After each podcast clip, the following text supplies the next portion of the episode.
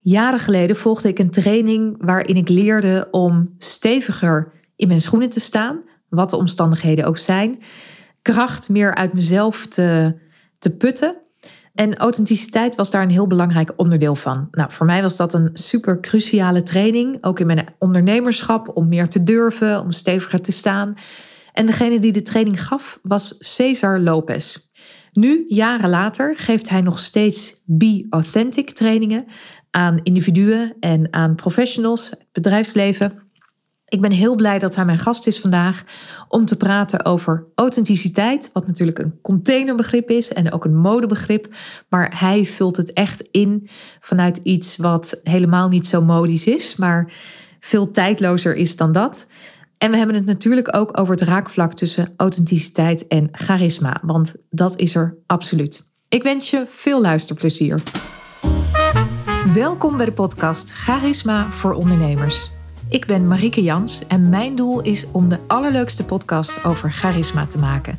Speciaal bedoeld voor jou als je ondernemer of boegbeeld bent en je wilt leren hoe je op een positieve manier de aandacht vangt. Cesar, heel leuk dat ik jou mag bevragen over authenticiteit. Over wat dat betekent, over hoe jij dat toepast, over hoe je het meer wordt. Daar gaan we het allemaal over hebben. En ook over de raakvlakken met charisma. Want ik, ik spreek jou natuurlijk niet voor niks. Hè. Ik spreek jou omdat ik denk dat authenticiteit ook veel met charisma te maken heeft. Daar komen we straks op. Ik wil simpelweg beginnen uh, met jou te vragen: wat, wat is authenticiteit? Want het is een heel groot begrip. Maar hoe definieer jij het? Of wat is het voor jou? Nou, wat het voor mij is, is dat je keuzes maakt vanuit de persoon wie je echt bent. En uh, dat kan op heel veel verschillende manieren uitgelegd worden. En in mijn coaching of in mijn training gaat het heel erg over wat zijn jouw natuurlijke waarden, wat zijn jouw kernwaarden vanuit waar eigenlijk alles begint. Als ik voor mij kijk, zijn mijn kernwaarden zijn liefde en vertrouwen. Dus op het moment dat ik mijn keuzes in het leven maak vanuit liefde en vertrouwen, dan maak ik authentieke keuzes.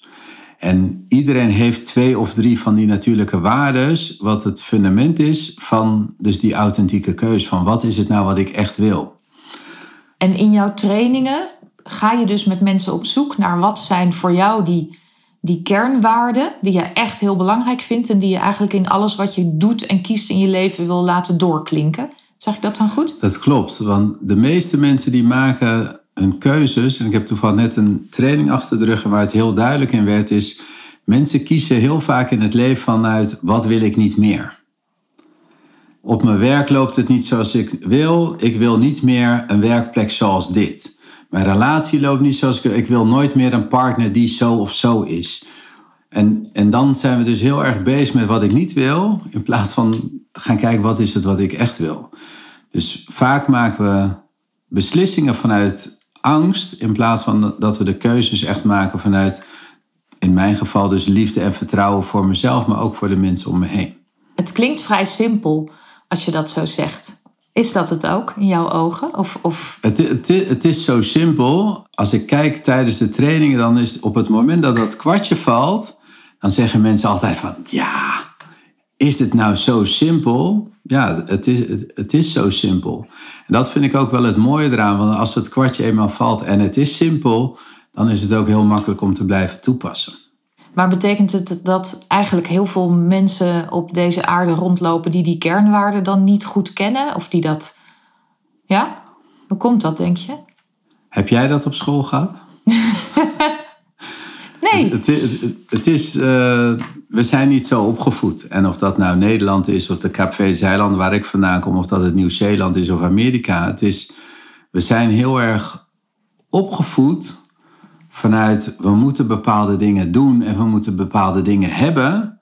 In plaats van dat we onszelf ontwikkelen naar de persoon die we zijn.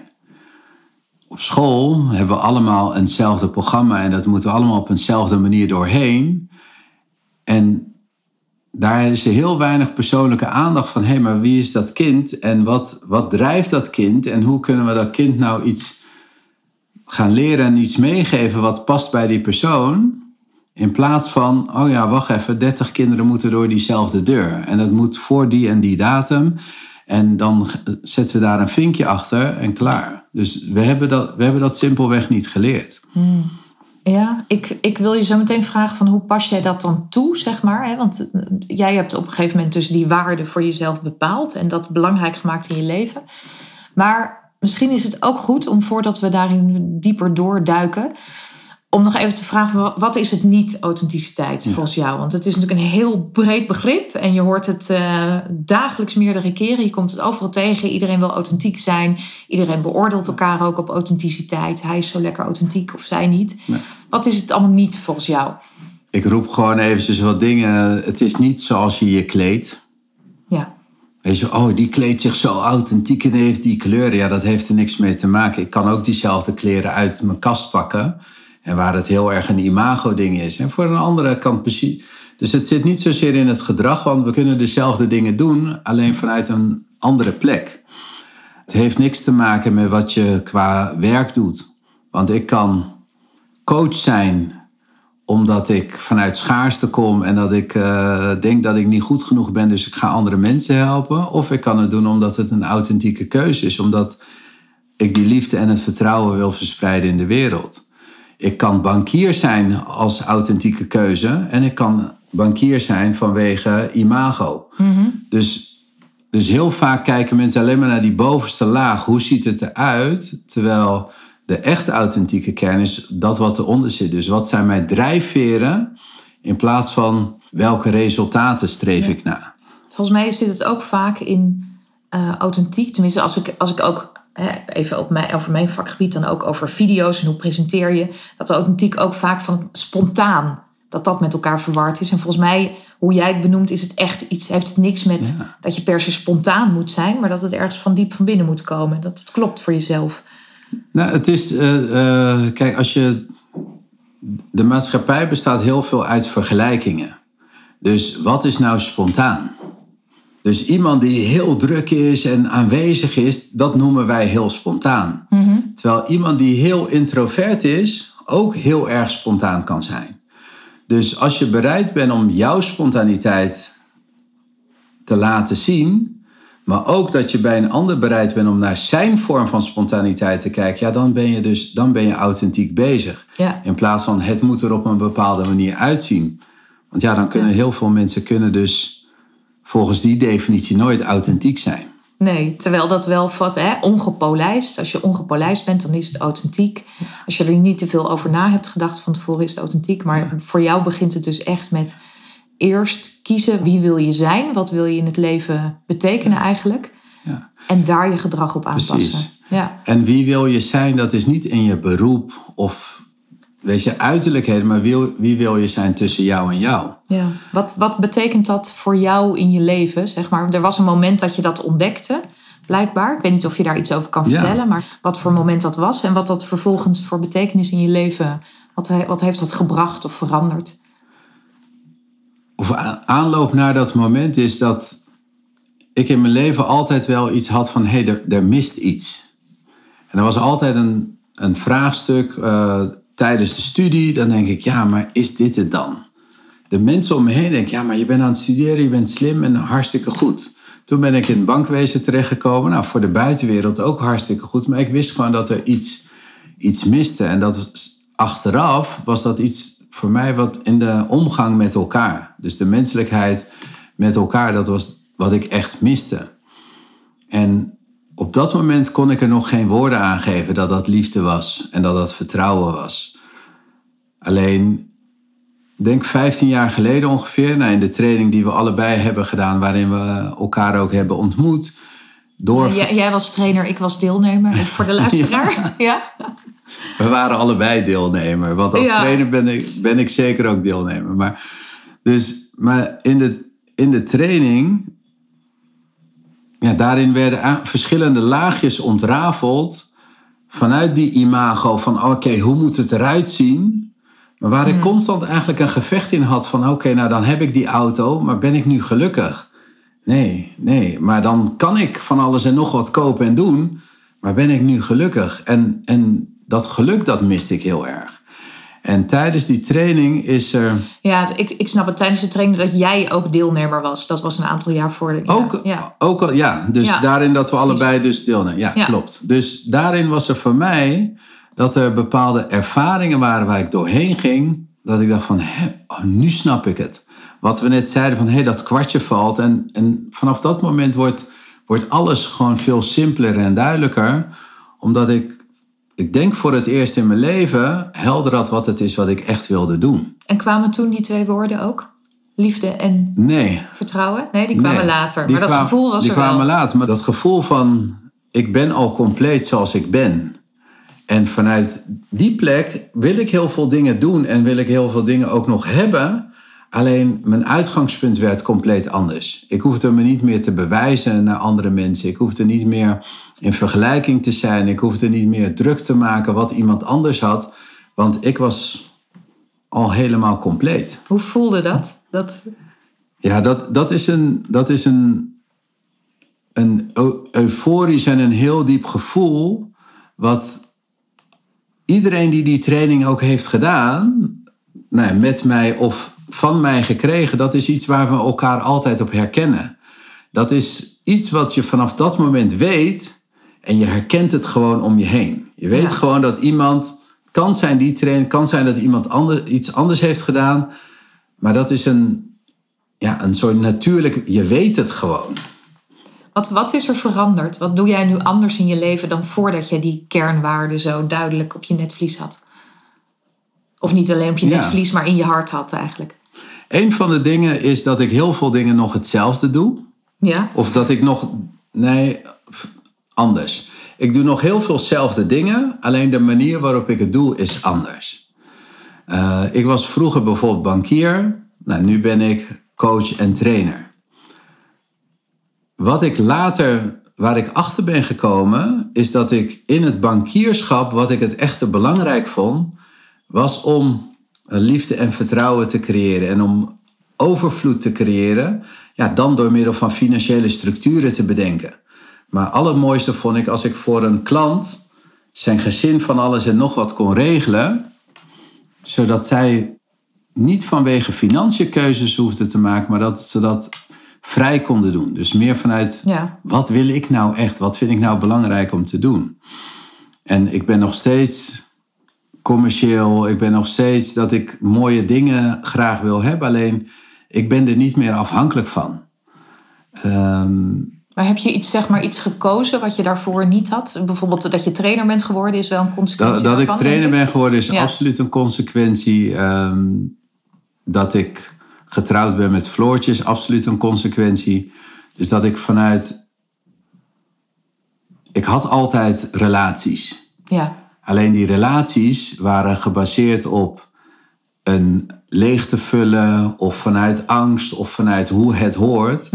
En, eh, en met Floortje is het echt gekomen vanuit liefde en vertrouwen. Van hé, hey, wacht, dit is een platform waarin ik dat tot uiting kan brengen. Dat is ook waar de keuze voor de kinderen uit is gekomen. Dan denk ik, hé, hey, dat is een platform. Hoe dat klinkt misschien een beetje, maar, maar dat is echt vanuit een echte keuze. Dit is wat ik wil. En bijvoorbeeld met de kinderen weet ik nog met Floortje dat we in, denk ik, de tweede week dat we aan het daten waren, dat ik dus ook de vraag stelde: wil, wil je kinderen? En als zij had gezegd: nee, ik wil geen kinderen, dan, dan, was dat, dan had ik dat niet gekozen. Terwijl daarvoor zou ik zeggen: nou, misschien komt dat nog wel. En is dat wel zo belangrijk? En we hebben het toch zo leuk. Dat ik denk: nee, maar dit is echt iets, iets heel belangrijks voor mij. En daar ga ik gewoon geen compromis in sluiten. Dus jij voelde heel erg duidelijk, dit is wat ik wil. Dit is hoe ik, die, hoe ik liefde en vertrouwen, hoe dat er voor mij uitziet. Dat ga ik ook uitspreken. Ja. Duidelijk, daar ga ik naar handelen. En als zij had gezegd van, eh, zo, jij bent snel, ik ben weg. Dan had je gedacht, ja, maar dit is wie ik ben. En dan maar niet. D- dit is wat ik heel ik graag. precies, maar Ja. dit is wat ik heel graag wil in het leven. En het is ook een beetje een waarom daarom. Wist ik voordat ik kinderen had hoe dat zou zijn? Ja, ik had een heel leuk idee, maar iedereen die kinderen heeft, die weet wel dat het iets anders wordt dan dat we hadden gedacht. Maar dat was voor mij iets fundamenteels. Ik vind kinderen heel mooi, heel waardevol. En weet je, een gezin thuis en een plek waar je samenkomt met elkaar en waarin je dingen met elkaar deelt. Ja, dat is, Ja. dat, dat heb ik thuis meegemaakt en dat, is, ja, dat heb ik meegenomen als iets essentieels wat ik ook heel graag wil. Is het altijd, want het klinkt heel, heel mooi en ehm, ja, hè, heel rijk. Maar is het altijd makkelijk om zo volgens je authentieke kernwaarden te leven? Nee, het, is, het is hartstikke moeilijk. Wat is er moeilijk aan? Het moeilijke is, is dat je consequent moet zijn. En, en noem eens een voorbeeld van waar dat consequent zijn zeer deed. In een relatie voor Floortje kwam ook een keer de vraag over kinderen of geen kinderen. Nou, zij zei op dat moment nee, ik wil geen kinderen. We waren vier jaar bij elkaar en ik dacht, ja, maar hallo, hoe dan? Maar jij bent hartstikke leuk met kinderen en ja, wat ga ik dan nu doen? De relatie is goed, oké tot goed. In vergelijking met de omgeving heel goed. Maar wat ga ik nu doen? Ga ik opgeven aan die wens om een gezin te starten?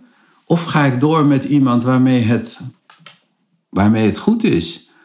Nou, genoeg mensen om me heen die zeiden: ja, maar je weet ook niet of je überhaupt wel kinderen kan krijgen. Je weet niet of je iemand gaat tegenkomen die dat ook wil, of die dat met jou wil. Dus Ja, ja, dus die reageerde vanuit angst. Hè? Hou maar wat je hebt, want dat is veiliger. Ja, ja. En jij dacht, ja, maar ik wil toch, ik wil niet vanuit angst, want hè, dat, dat Ja. past dan niet bij vertrouwen en liefde. klopt. Ja. Het, het is niet. En op dat moment dus het vertrouwen op mezelf dat het wel het komt.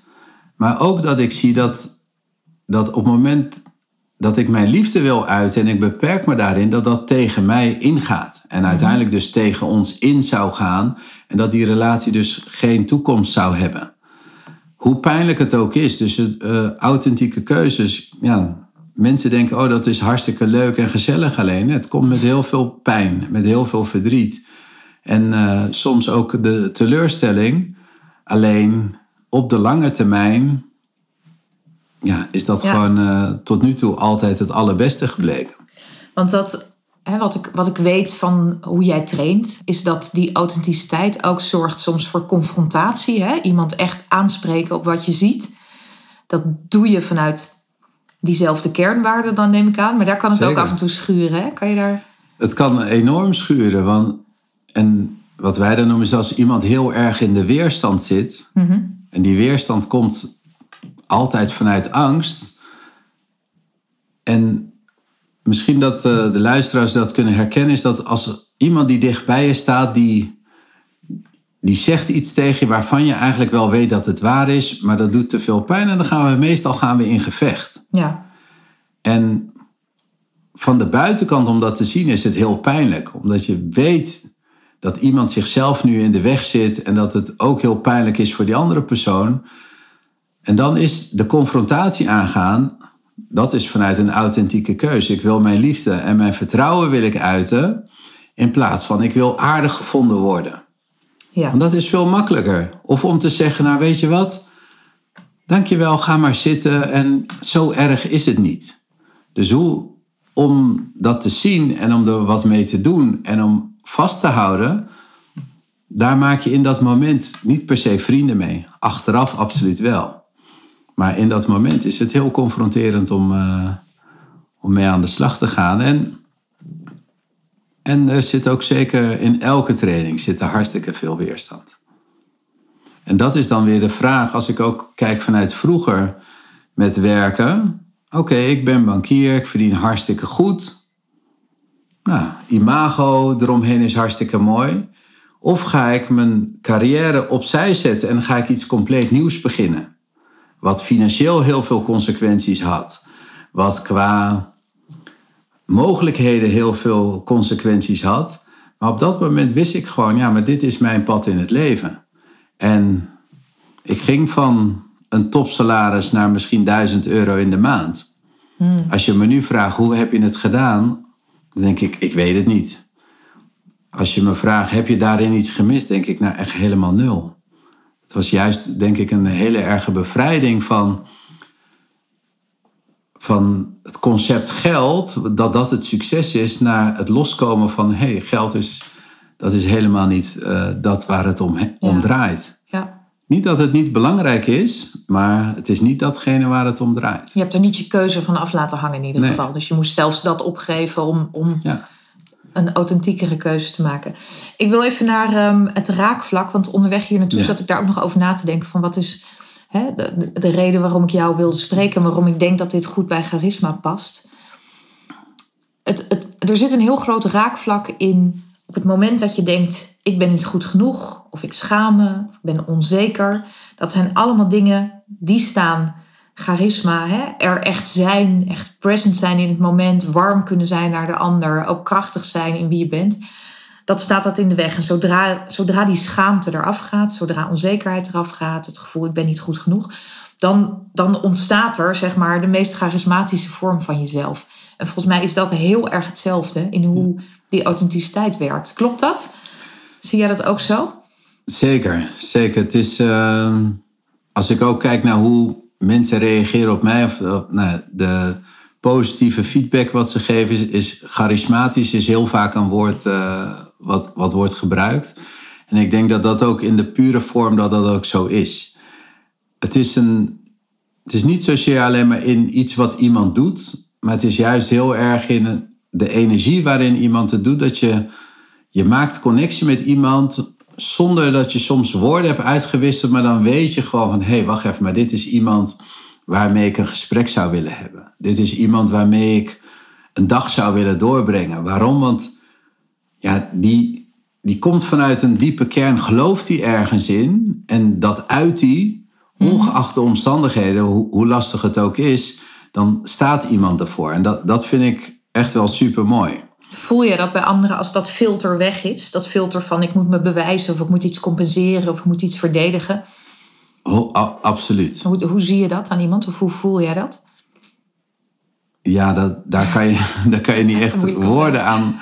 Nou, Ja. Het is niet zozeer een moeilijke. Het is, dat is iets dat als je op jezelf vertrouwt, dus dat je niet bezig bent met hoe iets eruit ziet en hoe het zou moeten horen, maar je vertrouwt echt op jezelf, dan, dan ervaar je dat. Want dan is het er gewoon. Het heeft niet een specifieke vorm, het heeft niet een specifieke omlijsting, want het gaat juist om meer op energievlak eigenlijk dat je elkaar daarin ontmoet, dan dat je het met elkaar eens moet zijn. Of dat, het, is, het is gewoon iets. Waar het vaak wel mee wordt verward is, is imago. Dat mensen dus bezig zijn om een beeld van zichzelf neer te zetten, omdat ze daarmee iets willen bereiken. Ja, En, en dat is een. En ik denk, hoe meer je op jezelf vertrouwt, hoe meer je in jouw kern zit, hoe makkelijker het is om te ontdekken van, hey, doet iemand dit puur om iets voor elkaar te krijgen, of doet iemand dit gewoon omdat dit belangrijk voor die persoon is? En, en daar zit wel, denk ik, een verschil tussen charismatisch en populair. ja, Want charismatisch betekent niet per se dat je datgene doet wat iedereen graag wil zien van jou. Het kan zijn dat je er populair door wordt, omdat het een onderwerp is wat meer mensen aangaan, maar het is wel heel specifiek.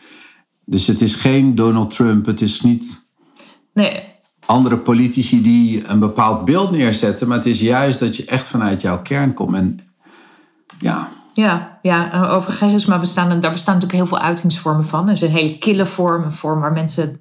Hè, van, eh, we kennen allemaal leiders die anderen tegen elkaar opzetten. Maar het kan ook hè, dichtbij, het kan verbindend zijn en eh, echt en ongefilterd. En eh, vanuit het zien en horen en, en ja, echt een connectie maken met een ander. Wat is nou als je dit hoort als luisteraar en je denkt, ja, wat, wat kan ik nou doen om authentieker te worden? Om inderdaad meer dat filter weg te halen, hè? Om, om meer dat gevoel, ik ben goed genoeg. En ja, misschien vind je dan ook makkelijker die waarde in jezelf, die kernwaarde van wat, wat vind ik nou echt belangrijk en hoe ga ik dat in de wereld zetten? Wat, wat zijn de eerste stappen of eerste adviezen? Het is een, het is een vraag die ik vaak in, in trainingen ook stel. Wat is de eerste stap richting authenticiteit? En de meeste mensen reageren, nou dan moet je jezelf zijn en eh, dan moet je doen wat het is wat je wil. En dan zeg ik, ja, maar wat vaak het probleem daarbij is, is dat mensen dat niet weten. Nee. Als je, Dus- als je het idee hebt, ik ben niet goed genoeg, ga dan maar eens lekker jezelf Ja. te zijn, toch? Dat is eh, een heel dat- ingewikkeld advies dan. Ja, plus dat vaak mensen er niet van bewust zijn dat ze worden geleid door dat stemmetje: ik ben niet goed genoeg. Ja, Want ik heb toch een goede baan. Ik heb toch een partner. Ik heb kinderen. Ik ga drie keer op vakantie. Dus hoezo? Dus de eerste stap die je moet nemen richting authenticiteit is het lef hebben om bij jezelf te kijken op welke plekken ben ik niet authentiek. Dus wat zijn de plekken waarin ik niet authentiek ben?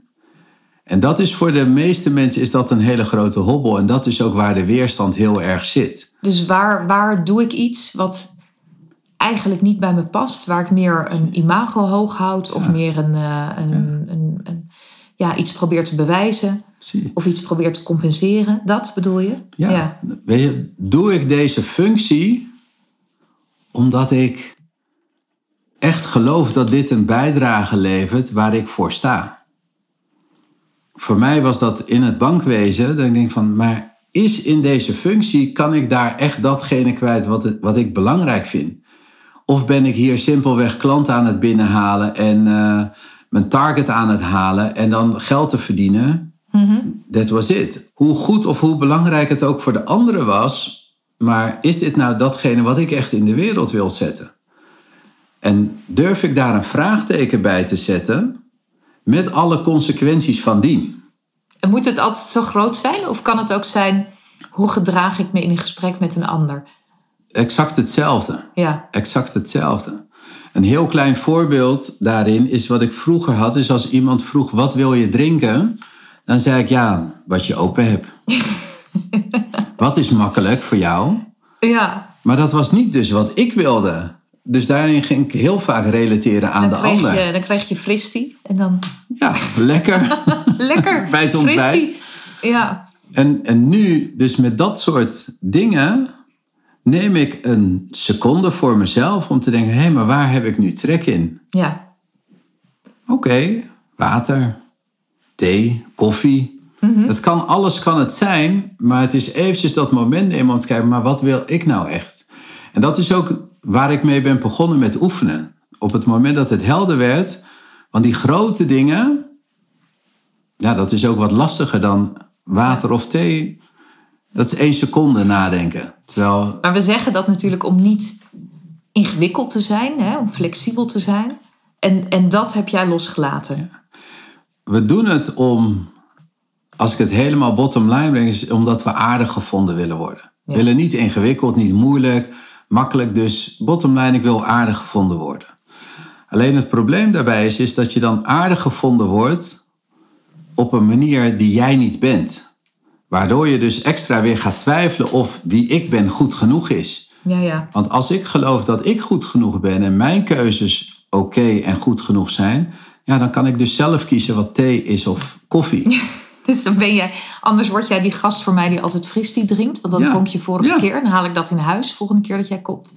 En dan, En dan denk ik, oh shit, fris die weer. Maar ja, heeft ze speciaal voor mij gehaald. Dus ja, ik heb trek in koffie. Nou, wat ga ik? Ik ga fris die Ja. drinken. ja, om het even helemaal plat te slaan. Maar het is wel een leuk Is voorbeeld het? natuurlijk. Ja. Maar dat is dus ook in werk. Ja, ik ben altijd die bankier geweest. Dus ja, dan moet ik maar bankier blijven. Want ja, dat is wat mensen van mij verwachten.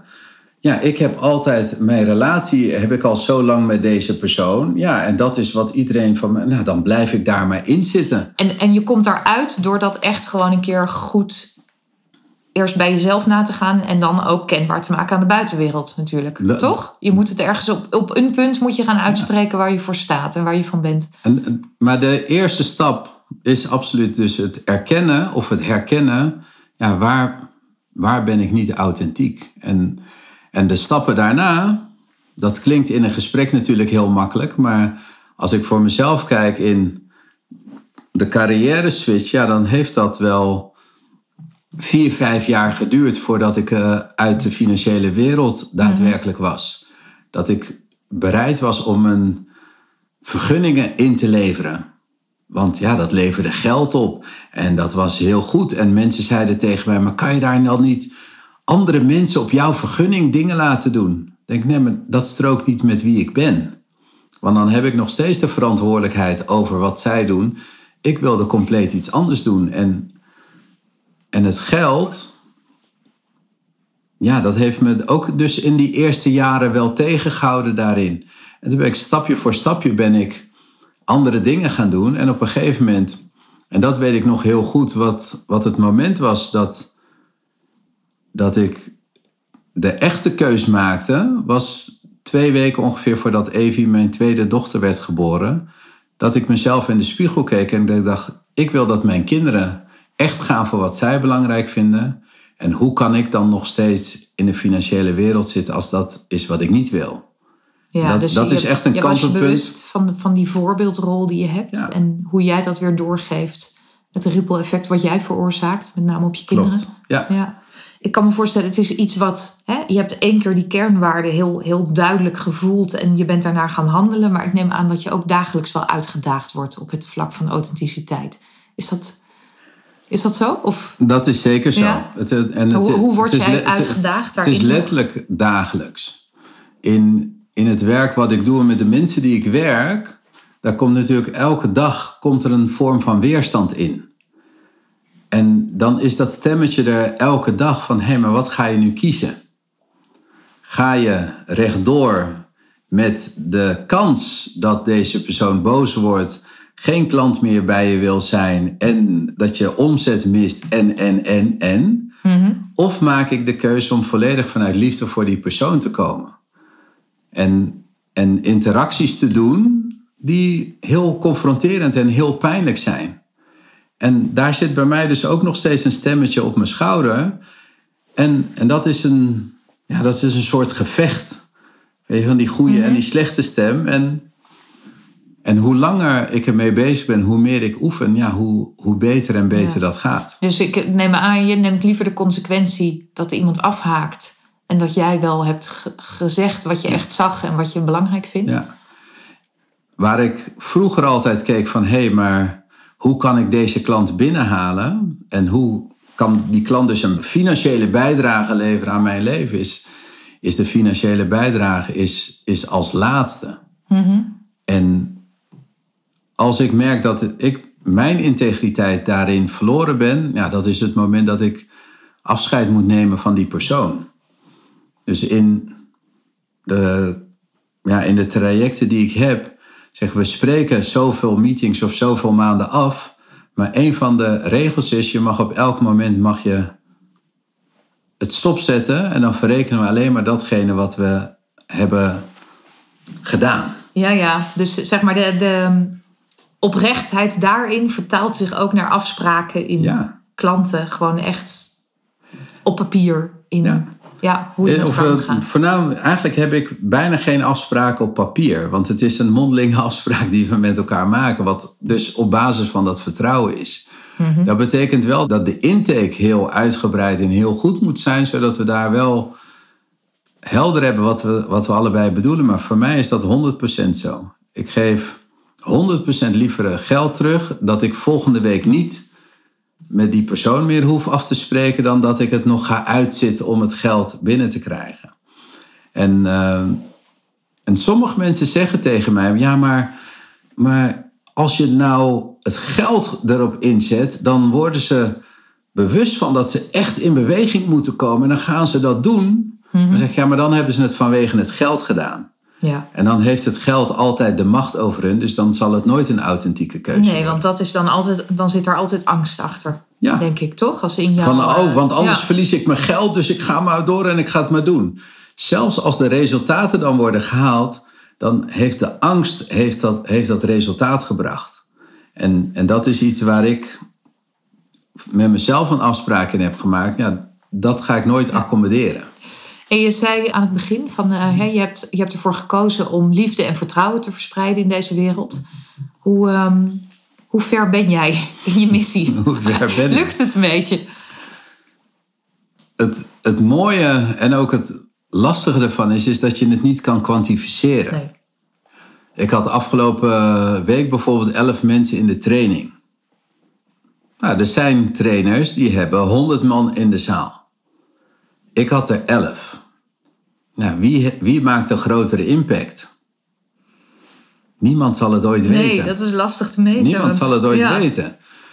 En wat mijn drijfveer altijd is in het volgaan, ongeacht de aantallen, is dat er kan één iemand in die zaal zitten die wat hij of zij bij mij heeft geleerd gaat implementeren en waarmee de wereld veranderd kan worden. Maar er kunnen ook honderd mensen in de zaal zitten die daar zitten omdat het moet of omdat het imagotechnisch een hele mooie is. En kijk eens waar ik ben geweest en die er uiteindelijk niks mee doen. Dus voor mij is het is één persoon, dat is, dat is waar ik op richt. En als het elf personen zijn, dan zijn het dus elf keer één persoon. Of honderd keer één persoon. Maar het gaat altijd om die ene persoon waar ik op dat moment mee aan het werken ben. Dat is voor mij het allerbelangrijkste. En, en ik heb geen illusie of pretentie dat ik degene ben die de hele wereld kan veranderen. Ik, ik heb wel de naïviteit om te geloven dat we met z'n allen een verschil kunnen maken. En ik, en ik, en ik zal mijn stukje bijdragen. Ja. En als dat is geweest aan het einde van mijn leven met 50 man of 500 man of 5 miljoen, dat weet ik, dat weet ik niet. En dat, en, maar daar ben ik ook zeker niet mee bezig met, met die aantallen. Ondanks dat ik het wel heel belangrijk vind dat er zoveel mogelijk mensen in mijn zaal zitten.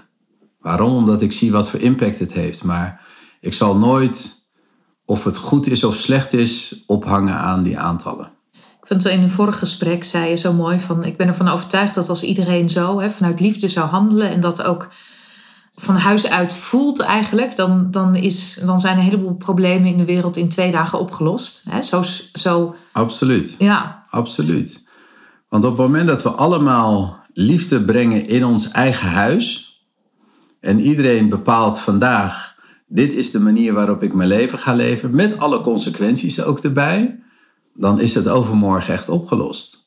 Want dan is het zo dat we... het klinkt bijna naïef en toch denk ik ook... ja, stel dat dat echt zo als alle wereldleiders en iedereen dat zou doen... Ja. Als iedereen dat soort duidelijke waardes... En, en niet vanuit angst en geweld en dat soort dingen, bewijsdrang... maar daar iets anders voor in de plaats zet... dan, dan zou het heel snel kunnen kantelen. Wij Ja. werken of, vaak met een concept en dat noemen we ons dorp. Dus in plaats van, weet je, we kunnen kijken naar de wereldleiders, maar dan zijn we ook vaak bezig met dat iemand anders dat voor ons moet doen. Maar laten we kijken in onze eigen straat. Dus in mijn straat wonen we met, zijn denk ik eh, twaalf huizen. Mijn Ja, hier in deze mooie straat, in, deze Bergen, mooie het straat, centrum. ja. Ja. Twaalf huizen. dus op het moment dat, wij, dat dit mijn maatschappij is, mini-maatschappij, en wij besluiten allemaal vanuit liefde en vertrouwen te leven, dan hebben we geen slot op de deur meer nodig. Dan hebben we nog maar zes auto's nodig. En niet 24 auto's. Want die auto die staat compleet stil, de grootste gedeelte van de tijd. En we kunnen gewoon een auto pakken. We hebben geen oppas meer nodig. Want dan breng je kinderen gewoon bij een van de buren en dan haal je ze morgenochtend haal je ze op.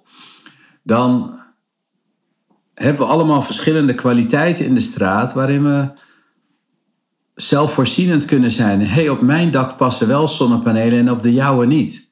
Nou, maar dan gaan we dat toch gewoon samen doen. Gaan we kijken naar oplossingen. En, en doe je, want hè, het, is, het is natuurlijk een hele ideale wereld. Ik ben helemaal voor om het zo te organiseren, maar lukt, lukt dat ook? Ik bedoel, ben je ook zoiets? Ben je op die manier in gesprek met jouw buren? Want hè, een ander hierin meekrijgen is Ja. nog best een eh, opgave. Eén is de, het dorp wat we creëren, dus dat is niet letterlijk zeg maar in mijn straat, maar dat is wel met alle deelnemers die in onze trainingen komen. Daar zijn we wel die community mee aan het bouwen. Dat je dus elkaar ondersteunt en dat je elkaar benut op alle kwaliteiten die er zijn. Wat ik, wat ik doe in mijn straat is dat ik ervoor zorg, en dat met mijn buren dat, eh, die voor ons wonen, dat is het belangrijkste daarin, is hoe ga, creëer ik met hun een relatie die vanuit liefde en vertrouwen is. Een van de dingen die ik daarin heb gedaan is dat ik hun heb uitgenodigd om de training te doen. Oh ja. En zij hebben allebei ook de training gedaan, waardoor ik een relatie heb met mijn buren die net zo diep is als de relatie met mijn vrouw of met mijn compagnon of met mijn familie. Want zij zijn onderdeel van mijn familie. Zij komen met kerst, als de hele familie er is, komen zij ook. Zij passen op de kinderen op vrijdagavond soms, omdat ze het leuk vinden om met de kinderen te zijn. Ja. En zij geven aan als we gaan skiën van waarom laat je Filou niet een weekje bij ons? Dat zouden we zo leuk vinden.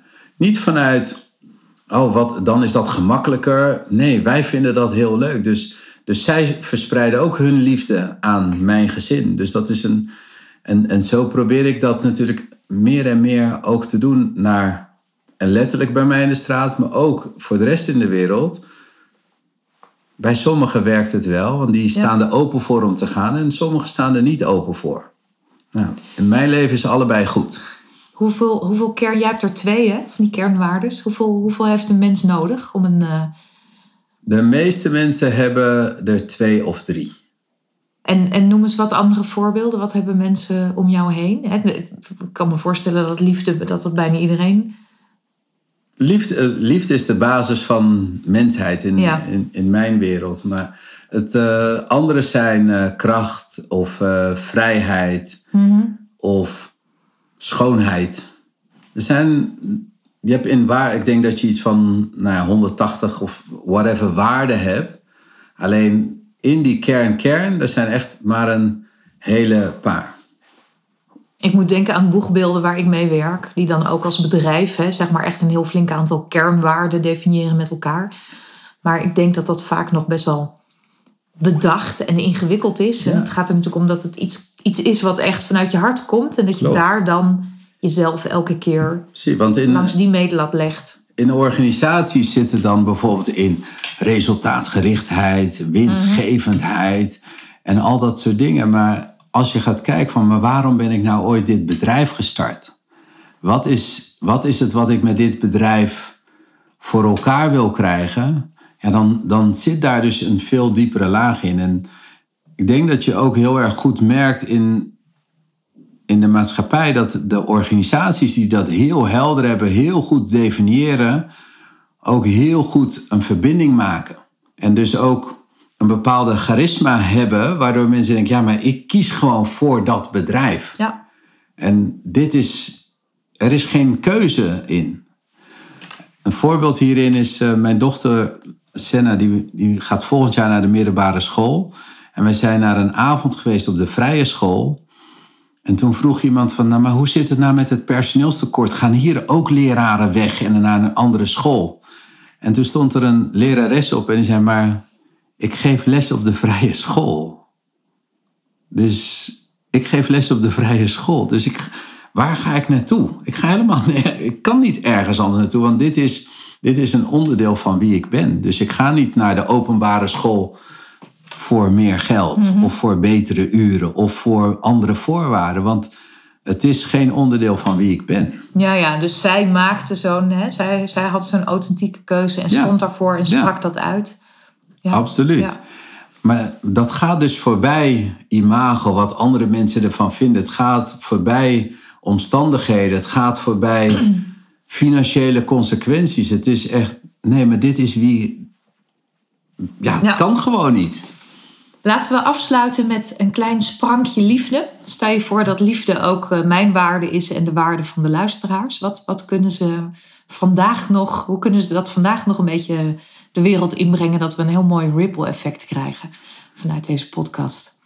Wat ik een heel mooie uiting van liefde vind, is een compliment geven. Want op het moment dat je een compliment geeft, dan dwing je jezelf om in contact te zijn met jouw liefde. Want dan ga je kijken naar het mooie in de andere persoon. En niet zozeer naar de grote resultaten, maar gewoon, hé, maar wat is het nou wat de persoon tegenover jou bijzonder maakt? En dat kan zijn dat iemand heel goed is in luisteren. Het kan zijn dat iemand heel erg aandacht heeft. Dat kan zijn dat iemand altijd klaar staat voor anderen. Dat kan zijn dat iemand humor inbrengt of plezier inbrengt. Of dat de kamer oplicht als die persoon binnenkomt. Maar wat is nou iets heel specifieks? Niet van de buitenkant, maar van die persoon echt zelf. Wat is een compliment wat je kan geven aan de persoon tegenover jou? Of die je, de eerstvolgende die je tegenkomt? Nou, zullen we dan elkaar een compliment geven? Graag. Jij eerst of ik eerst? Ik eerst. Jij eerst. Ja. Nou, wat ik heel eh, mooi aan jou vind is dat je mensen helpt vanuit jouw authentieke kern. Dus dat je bent gaan kijken niet van hé, hey, maar hoe kan ik gelikte video's of iets maken? Of hoe kan ik het zoveel mogelijk geld met video's verdienen? Maar hoe kan ik nou mensen gaan helpen om hun boodschap helder te maken, omdat hun boodschap belangrijk is? En daarmee die ripple creëert. Want op het moment dat jij iemand helpt zijn of haar verhaal helder te maken, en die kan daarmee meer mensen bereiken met dat verhaal, dan, dan wordt het elke keer wordt het een stukje mooier. En ook jij hebt je carrière opgegeven, wat misschien veiliger was en makkelijker was, om te zeggen: nee, waarvoor ben ik nou op deze planeet? En dat is wat ik ga doen. Mm.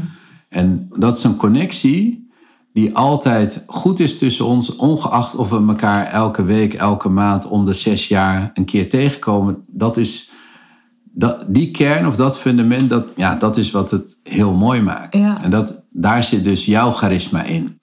Leuk, dankjewel. dankjewel. Ik ga, Makkelijk ik hè, ga, complimenten ja, ontvangen. Ja, ja, ik ga eigenlijk een simpelere maken. Want ik vind het altijd heel leuk dat als ik jou tegenkom... dat ik echt zo'n oprechte, warm knuffel krijg. Ook al komen we elkaar inderdaad niet heel vaak tegen. Maar dat, dat maakt dat ik me gelijk, dat ik me gelijk geliefd voel. En dat er, dat er geen afstand is daardoor. Het begint met even zeg maar letterlijk nul afstand. En dat is ook, vind ik heel symbolisch. Uh, dus dank je wel dat je dat doet. Vind ik hartstikke tof. Dank je wel voor dit gesprek, Cesar. Toen ik na dit interview naar huis reed, voelde ik weer heel erg sterk hoe belangrijk het is om dat soort kernwaarden te hebben. Waarden vanuit waar je opereert, vanuit waar je beslissingen maakt, vanuit waar je interactie voert met anderen. Dus ik vond het een mooi gesprek. Ik heb vooral veel vragen gesteld, besef ik me. En niet zo heel veel zelf verteld. Maar dat zal ik er nog bij zetten in een verhaaltje als ik deze podcast deel op social media. Wil je meer weten over de trainingen die Cesar geeft? Kijk dan even op zijn website Cesar Lopez met een S aan het eind.nl. Wil je meer weten over mijn programma waarin ik boegbeelden begeleid om naar buiten te treden met een krachtig, authentiek verhaal? Waarbij het zowel gaat om charisma als om inhoudelijke vakkennis, thought leadership. Welke vraagstukken beantwoord jij die er relevant zijn in jouw markt? Dat doen we op social media, maar ook via traditionele media. Wil je daar meer over weten? Ben je benieuwd? Neem dan vooral een kijkje op mijn website marikians.com. Of als je een boegbeeld bent, wat veel te verborgen is, en je bent er klaar voor om een grote stap naar een groter podium te maken, dan kun je altijd een gesprek met me inplannen via team.marikians.com. Oké, ik wil je bedanken voor het luisteren en ik ontmoet je heel graag in een volgend verhaal.